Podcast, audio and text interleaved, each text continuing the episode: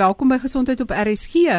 Ons gesels vandag oor hoogte siekte. In Engels praat hulle van altitude sickness, maar ons noem dit hoogte siekte en ek gesels met Dr. Morney Foster. Hy is verbonde aan die departement uh by die fakulteit geneeskunde en spesifiek by die departement pulmonologie. Dit is oor longsiektes en longprobleme by die Tygerberg Hospitaal en die Universiteit van Stellenbosch. Welkom Dr. Foster. Baie dankie môre Marie. Baie dankie. Um soos ek gesê het, dit is 'n mediese dokter wat 'n groot belangstelling het in hierdie uh, probleme wat kan opduik met hoogte siekte en nie sommer net enige toergids wat sy mening gee nie. So weet ons soek altyd vir een van die beste mense om mee te gesels om julle die akkuraatste en die beste inligting moontlik te gee. Nou onlangs het ons weer gelees van Gugu Zulu wat ehm um, gesterf het op Berg Kilimanjaro. Hy was fiks. Hy het onlangs saam met sy vrou die Cape Epic gery. Hy het uh, aan Comrades Marathon deelgeneem. Hy's lank en skraal, maar toe maak hy dit nie om Kilimanjaro te klim nie. Dokter Foster, wat gebeur as 'n mens se liggaam sekere hoogtes bereik? Hoe ek praat nou van ons Suid-Afrikaners, nie die mense wat in hoë gebiede bly nie. Ja. Maar ja. hoe hoog kan ons klim voordat ons liggame enige effekte toon? So, soos die menslike liggaam maar verskil tussen van mens tot mens, is dit moeilik om 'n spesifieke ding te sê. So mense verskil, maar Ehm um, oor die algemeen gebruik ons 'n hoogte van so 2400 meter. So enigiets onder dit behoort almal goed redelik maklik te kan hanteer, maar as 'n mens bo 2400 meter bo seevlak gaan, dan uh, dan kan mens begin die effekte voel van van hoogte bo seevlak. En uh, interessant genoeg dit as 'n mens uh, uh vlieg met 'n vliegtuig, vlieg oor see of jy vlieg uh, Johannesburg toe, uh vlieg hulle so 30000 voet wat uh, baie lae lugdruk het en lae suurstofinhoud, maar in die kajuit uh sit hulle onder druk en hulle hou die kajuit druk tot net so onder 2400 meter. So as jy vlieg in die lug, dan is dit soos om net onder 2400 meter hoogte bo seevlak te wees.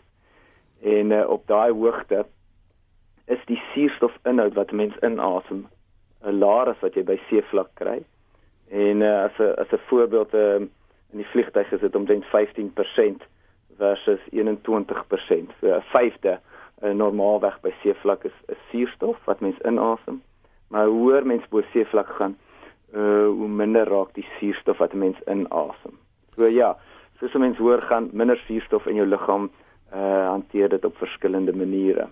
Goed, as mens dan nou alles sê of dit is wat ek nou gelees het, ek weet nie of dit korrek is nie, ja. dat as mens bokant 'n berg wil klim en jy's bokant 3000 meter bo seevlak, dan moet jy stadiger begin klim en jy moet net 500 meter 'n dag in hoogte opgaan want anders te kan jou liggaam nie daarbey aanpas nie. Maar wat gebeur in die liggaam as die suurstof dan minder raak? Hoe ja. kompenseer die liggaam daarvoor? Ja, so soos mens hoor gaan soos jy sê die suurstof raak minder en jy mense mense liggaam het suurstof nodig om te funksioneer uh, op 'n basiese vlak en uh, soos mens hoor gaan haal jy vinniger asem om te probeer kompenseer maar dit help nie verskriklik baie nie so jou jou liggaam ondergaan veranderinge wat maak dat hy hierdie minder suurstof beter kan hanteer maar dit vat tyd en dis hoekom mense sê enigiets van 300 tot 500 meter uh 'n dag wat mense moet opgaan. So uh so om kans gegee om kans te gee om vir die ander faktore om in in in in werking te tree. En een van die belangrike goeders is net vir jou liggaam om gewoon te raak aan minder suurstof en dit kan hy doen binne 'n paar dae tot 'n week. Die ander ding is mense uh, vervaardig meer uh rooi bloedselletjies sodat jy die suurstof beter kan dra na die na die spiere in die liggaam toe. En dit begin ook na so 48 uur. Mens noem dit uh, hemoglobien deur erythropoietin wat van die uh, in die ou dae van die fietsryers mos mee gevang is om 'n rooi bloedselletjie te vermeerder. Ja, jou liggaam doen dit outomaties, soos 'n mens hoor. Gaan en dit is hoekom mens dit stadig wil doen. En ook om gewoon te raak uh, aan die uh, vermeerdering van bloedvloei want omdat jy minder suurstof het, moet daar meer bloed na die liggaam se se spiere toe gaan. En uh, so dis werk jou hart ook harder en uh, en dit vat ook tyd om gewoond aan te raak. So ja, dis 'n paar dinge wat moet gebeur en hoe stadiger mense dit doen, hoe meer tyd gee vir jou liggaam om om aan te pas daarbey en gewoond te raak daaraan.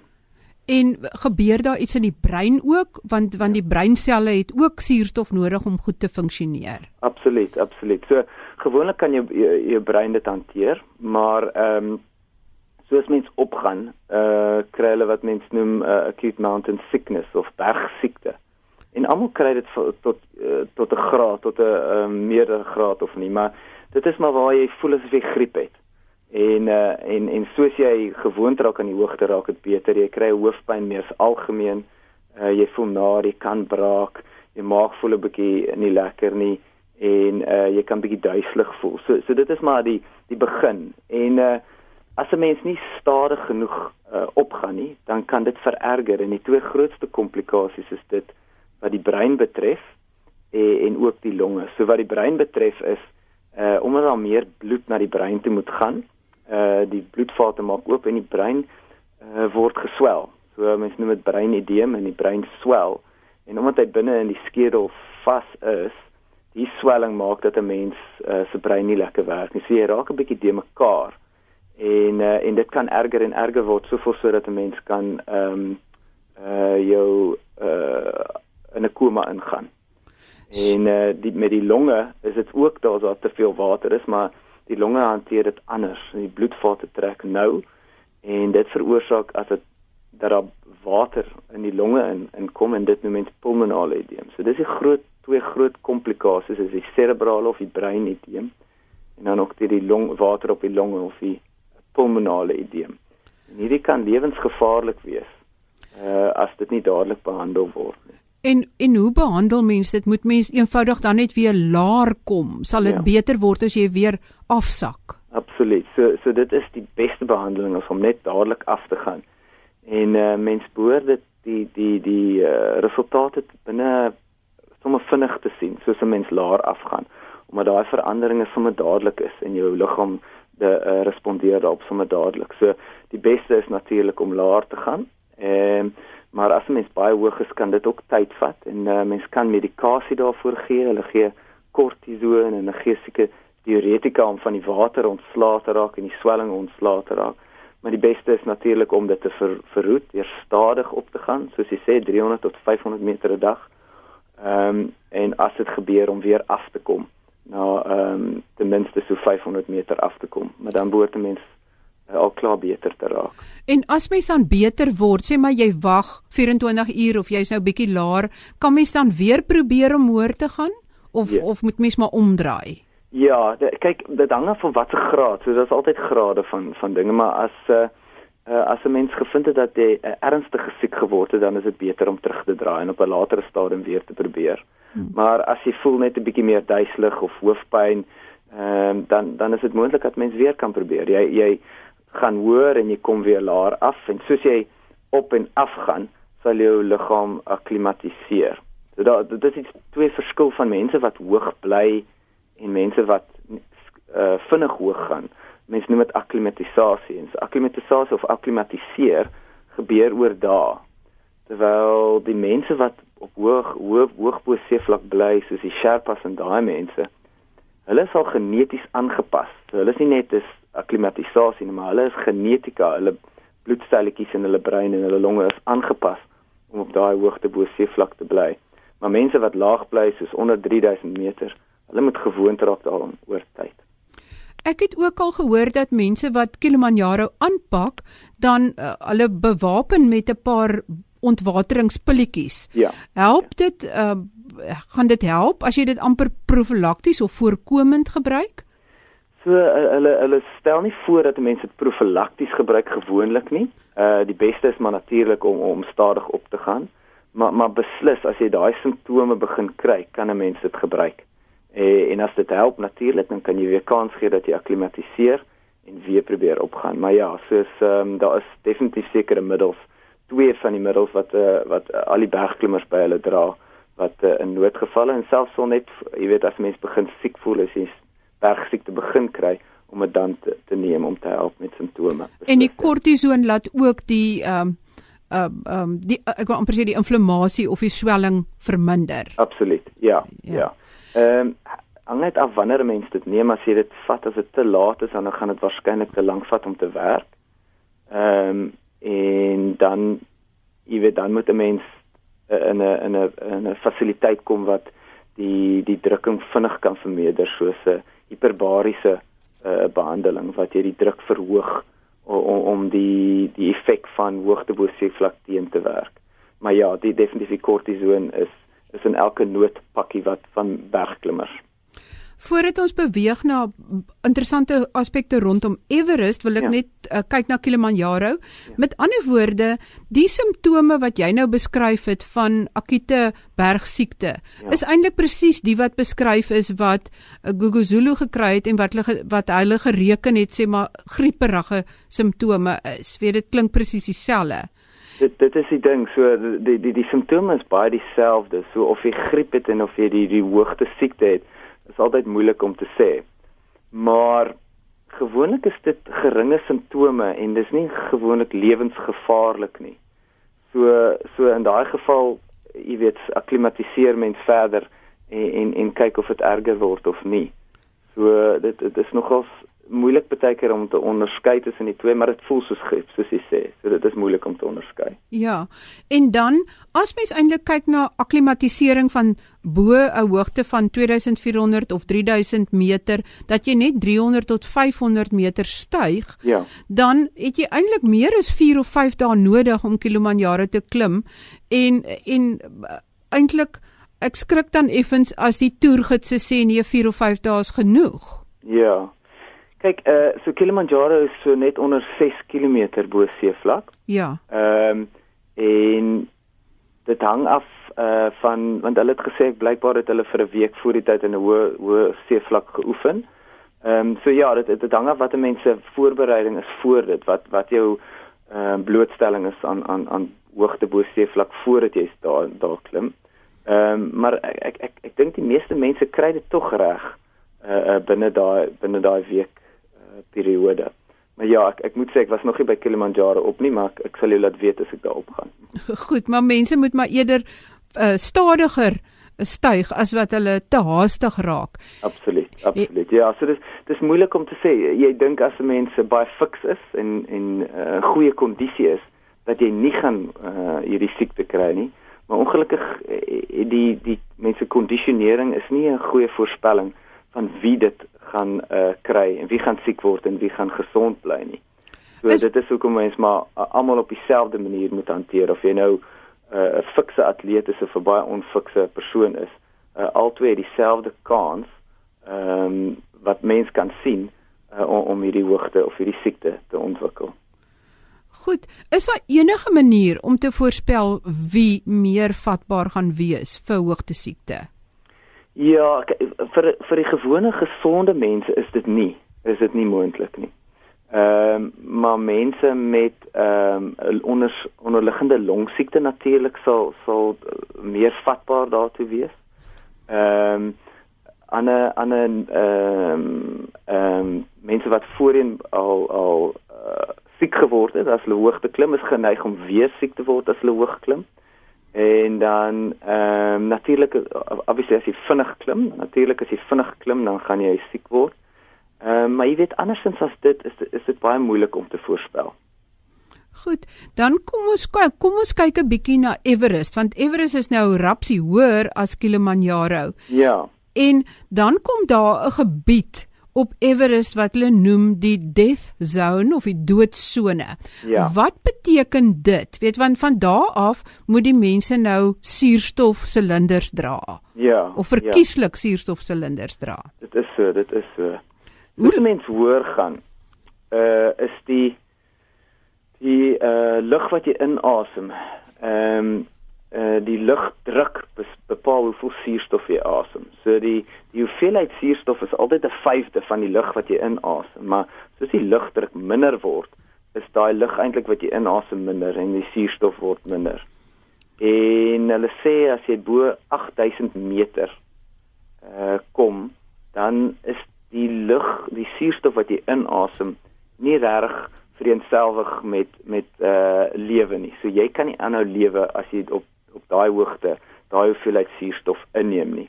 En dit is dit is wat hulle maar noem die death zone. As 'n mens bo hierdie vlak gaan, as jy dan het jy suurstof nodig Uh anders te gaan jou selle en jou jou spiere en jou liggaam en jou brein en jou longe nie genoeg suurstof kry om te funksioneer nie. So ehm um, tensy jy uh, goed geakklimatiseer is of uh of uh geneties aangepas is om dit te doen. So ja, die death zone is so hierso by bo 8000 meter waar Everest is. En ehm um, maar nou klim die mense en hulle is nou al naby aan die piek by Everest. Hulle is verby die laaste basiskamp ja. en en al wat hulle voor hulle sien is die einddoel en dit is om die piek te bereik. Ja. En maar hulle het miskien al reeds hoogte siekte. Al het, al het hulle suurstof, miskien is hulle brein al geswel, want dit klink vir my of party mense voortbeur al weet hulle eintlik al weet hulle eintlik hulle het nie genoeg suurstof om weer terug te kom nie, asof hulle besluitneming reeds aangetast is. Ja. Is is dit moontlik? Abs absoluut. So ehm um, soos mense brein swel, is hy nie in staat daartoe om om om skerp te funksioneer soos jy doen as jy normaal funksioneer nie. So die hierdie mense wat Everest klim is baie gemotiveerd. So daai instink, daai motivering is baie sterk en dit bly by hulle ten spyte van dat hulle nie ehm um, die brein goed funksioneer en dat hulle nie besluitneming, hulle besluitneming is glad nie goed nie. So hulle kan nie uh indink dat hulle nie genoeg het om terug te kom, genoeg suurstof het om terug te kom nie en uh, en al wat hulle aan dink is om net bo uit te kom omdat hulle nou so lank probeer meeste mense dit kos baie duur en hulle wag lank om daar te kom en hulle probeer baie keer om dit te doen. Dit is dit is 'n groot uh einddoel. En uh, om dit te te bereik um, is dit al wat hulle wil doen. En hulle kan nie in, in daai kondisie as die brein begin swel dink uh, hoe om dit te doen? en of dit gevaarlik is nie. Hulle wil maar net tot bo klim Uh dis 'n interessante boek van uh, John Krakauer uh van hierdie ramp in 1996 waar presies dit gebeur het. Groot uh toer het opgegaan en omtrent ehm uh, 10 van die mense het op die op pad af. So dis nie op pad op nie, so op pad af omdat hulle nie energie het nie en hulle nie vinnig genoeg kan afkom nie, het die mense dood gegaan. So ja, dis is tragies om te om, om te dink, maar jy kan jou brein kan nie goed funksioneer nie. En as jy weer afkom, dan kan jy dan dan, dan blykbaar voel dit asof dit soos 'n slegte droom was. Jy jy weet wat jy moes doen, maar jy kon nie daarbey uitkom nie omdat jou brein nie goed funksioneer nie. So dan het hulle genoeg suurstof om tot bo te kom, maar nie genoeg suurstof om terug te kom nie. En ja. en want ek het ook al gesien dan waarsku uh toerleiers vir hulle en sê draai om, draai om, ja. maar dit is asof hulle hulle nie meer rasionaal rasioneel kan dink nie. Hulle beur net voort al sê die mense hulle het nie genoeg suurstof om terug te kom by die uh, volgende die onderste basis ag die volgende kamp waar hulle weer kan uh, suurstof kry nie. Ja, ja, nee, dit is soos ek sê dit is so 'n uh, belangrike doel om om bo uit te kom. En uh, ek kan dink dat dit nog 'n groot uh uh uh uh dinge om te bereik die die om so hoog bo seevlak te wees en om jou rond te kyk en, en dit is wat hulle wil doen en uh wat mens nou dink is rasioneel as jy op die grond is of laag is, uh, is nie so maklik om vir hulle uh, in te sien daar daarbo waar die die suurstof so min is nie. So uh, is baie moeilik om dit eintlik in te dink om jouself daarbo te sien. Uh, jy dink ag hoekom besef hulle nie hulle moet omdraai want hulle gaan doodgaan nie. Maar daai deel van hulle brein werk nie goed nie. So hulle sien dit nie in nie. Hulle sien net die bokant, hulle moet bo kom en dan op pad af het hulle nie genoeg energie nie, nie genoeg suurstof nie en hulle kan dit nie maak nie. Met ander woorde om so hoë pieke te klim is nie net gevaarlik omdat daar afgronde is en so weet 'n uh, um, natuurramp kan gebeur nie. Dit is eintlik die menslike liggaam en die besluitneming wat eintlik ook 'n groot rol speel in so tipe ramp, wil ek amper sê. Ja, ab absoluut. So dit is dit is amper buite mense beheer. Dit is nie dit het nie te doen met jou vermoë nie want uh as jou brein nie goed werk nie dan dan het jy nie vermoë meer nie. So ja, dit is dit is 'n dit is 'n moeilike ding om in te sien vir ons wat nie daar is nie. Maar ook mense het dit met dit iemand nodig wat dit kan vir jou sê, luister jy gaan dit nie maak nie, jy moet net terug afkom. Ja. Maar dit is natuurlik die ekstreme. Ek meen die die die suurstofinhoud boop uh wat mens inasem boop Everest is is 'n 5 omtrent 'n 5de van dit wat jy op seevlak inasem. So die brein het daai suurstof nodig om te funksioneer en as jy dit nie inkry nie, dan is hy soos 'n vyfde van sy van sy funksie werd wat nie baie goed is nie. Goed, ek wil dan net 'n laaste vraag, die serpas wat nou aangepas is. Hmm. Met ander woorde, hulle het meer uh, eritropoietin, hulle het hulle het meer hemoglobien, hulle suurstof dra vermoë, hulle uh, bloed is is baie meer. Ja. Ehm um, met ander woorde, as hulle môre die die ehm um, Tour de France gaan ry, gaan hulle dalk wen.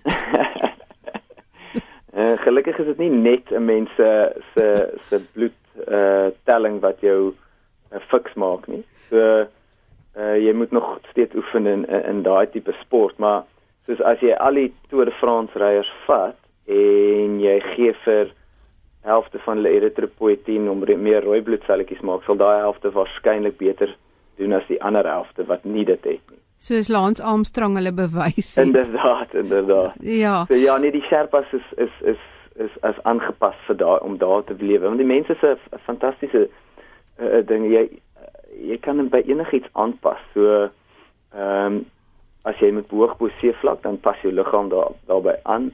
Ondergrond dan pas jou liggaam daarbey aan. Eh, en hang af wat jy doen, die liggaam kan aanpas, maar dit vat tyd. Ja. En en, en dit is in hulle gene ook. Is die Serpa se longkapasiteit ook anderste? Ja, ek ek dink nie dis hulle longkapasiteit as sulks nie.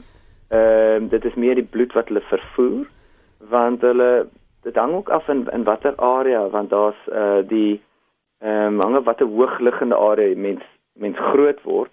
Uh party van hulle uh ontwikkel uh hoë hoë bloeddruk in hulle longe, mens noem dit pulmonale hipertensie.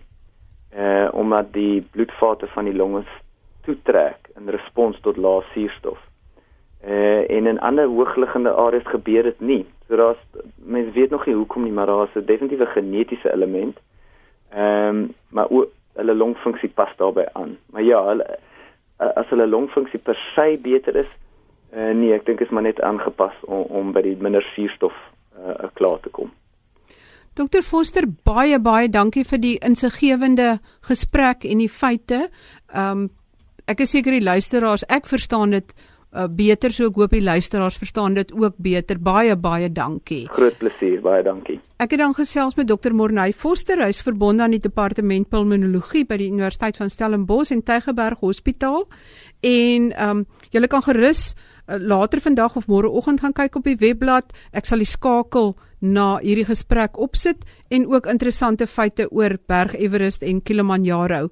Dan net voordat ek afsluit, ehm um, net 'n vinnige opdatering van hoe dit met Palu gaan wat ehm um, verlede maandag 'n hartoortplanting ondergaan het. Die seentjie van 7 is bitter bitter siek gewees en mense moet verstaan dat as iemand 'n hartoortplanting kry dan is sy ander organe ook al aangetas en het hy letterlik net 'n paar maande oor om te lewe sonder 'n oorplanting. So maandag is die oorplanting gedoen.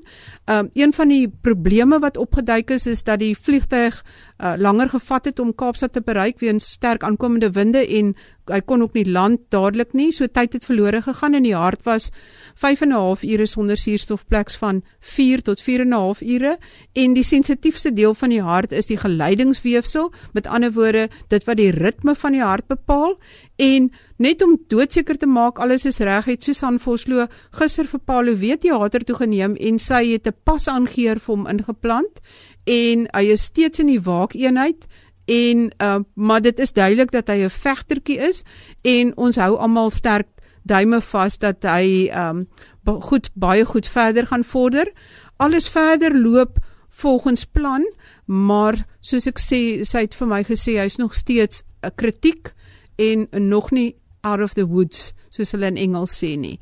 So um, ons dink aan hom en ons um, ek sal vir julle weer uh, op hoogte hou van hoe dit met hom gaan. En baie dankie aan die skenker se ouers wat in hierdie tragiese tyd ja gesê het om 'n lewe te probeer red. Aldus Mariatsen vandag hier by ons in die ateljee. Maria, as mense met jou wil skakel, kontak maak, hoe kan hulle ook voorstelle stuur waaroor jy kan gesels? Asseblief enige tyd my uh, e-posadres is gesond by rsg.co.za en as dit vra is oor hoogte siekte of ander siektes dan stuur ek dit aan aan die uh, kenners met wie ek gesels het op die program.